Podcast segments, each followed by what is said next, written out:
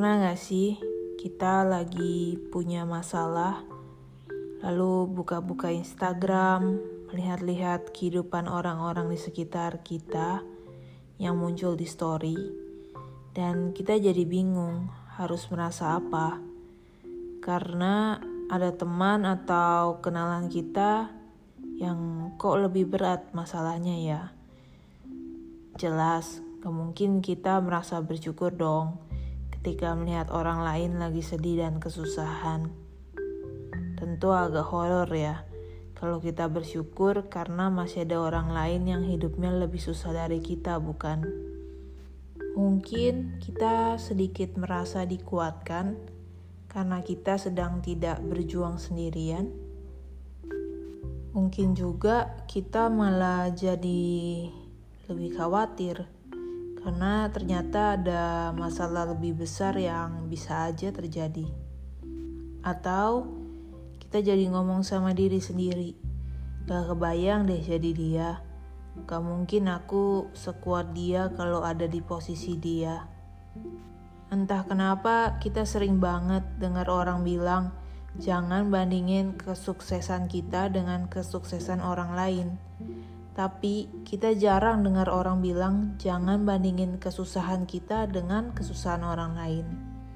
Orang sering bilang sama kita, kalau dia bisa, kamu juga bisa. Apa iya?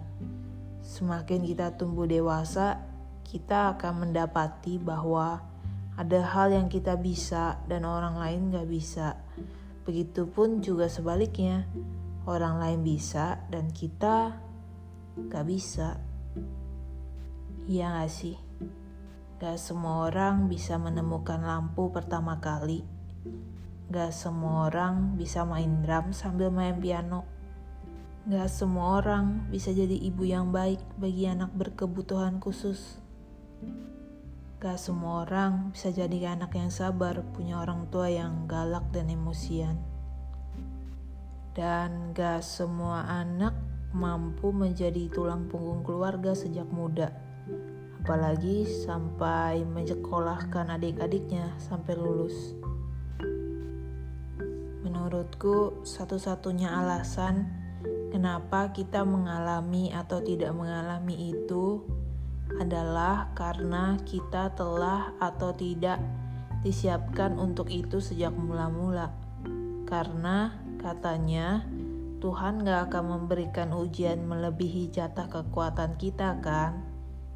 Artinya sejak awal Tuhan udah kasih jatah kekuatan masing-masing. Seorang teman pernah cerita kalau dia nggak merasa cukup sosial dibandingkan rekan kerjanya yang jadi aktivis menolong orang-orang di Afrika yang kelaparan. Tapi sebenarnya di waktu yang bersamaan, temanku ini bekerja untuk memenuhi kebutuhan orang tuanya, menjaga, menemani, dan merawat. Menurut kamu, apakah penderitaan yang ke Afrika lebih berat sehingga dia lebih baik daripada yang berjuang untuk keluarganya? Menurutku sih tidak ya. Setiap orang hebat karena bisa mengatasi tantangan-tantangan spesial dalam hidupnya, dan setiap orang punya perlombaan masing-masing, yaitu menjadi lebih baik dari dirinya kemarin.